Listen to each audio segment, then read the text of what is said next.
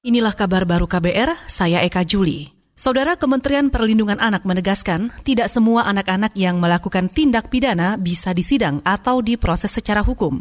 Menurut Asisten Deputi Perlindungan Anak, berhadapan dengan hukum Kementerian P3A, Hasan, proses hukum harus memperhatikan pertanggungjawaban pidana, usia, dan kesiapan mental si anak tersebut. Kemudian juga lihat usia pertanggungjawaban anak juga melihat juga anak-anak yang melakukan tidak pidana itu dilihat umurnya. Umur anak itu kalau memang di bawah 12 tahun, maka anak tidak diproses secara hukum. Mungkin nanti penyidik, petugas Bapas, lembaga penyelenggaraan kejahatan sosial itu uh, uh, Peksos misalnya maksud saya petugas Bapas duduk bersama untuk menyelesaikan perkara anak ini dengan nanti kemungkinan anak itu dikembalikan kepada orang tuanya, misalnya dikembalikan kepada orang tua. Asisten Deputi Perlindungan Anak berhadapan dengan hukum dan stigmatisasi Kementerian P3A, Hasan mengungkapkan, data anak yang berkonflik dengan hukum pada tahun lalu mencapai 1.900-an kasus. Saat ini tersisa 600-an anak yang masih dalam proses pembinaan.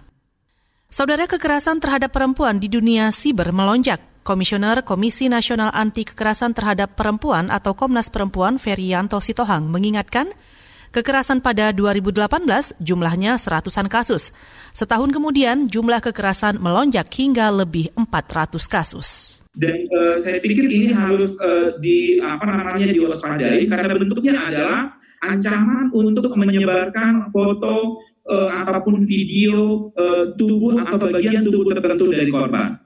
Jadi publik perlu uh, diminta untuk menjaga hak-hak individunya, hak-hak personalnya, jangan mudah sekali untuk terpapar atau uh, terpengaruh untuk uh, mengirimkannya kepada orang-orang di luar sana lewat uh, media-media uh, komunikasi yang ada. Komisioner Komnas Perempuan Ferianto Sitohang juga menambahkan kekerasan seksual terhadap disabilitas juga meningkat signifikan.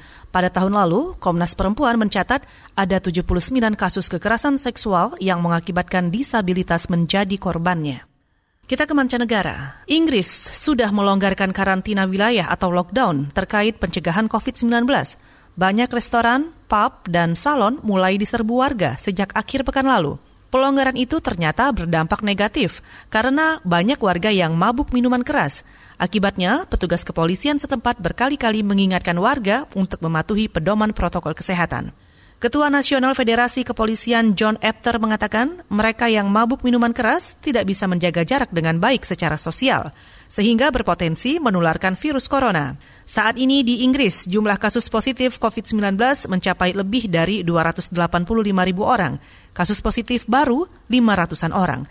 Jumlah kematian menurut situs World Meters lebih dari 44 ribu orang. Saudara demikian kabar baru, saya Eka Juli.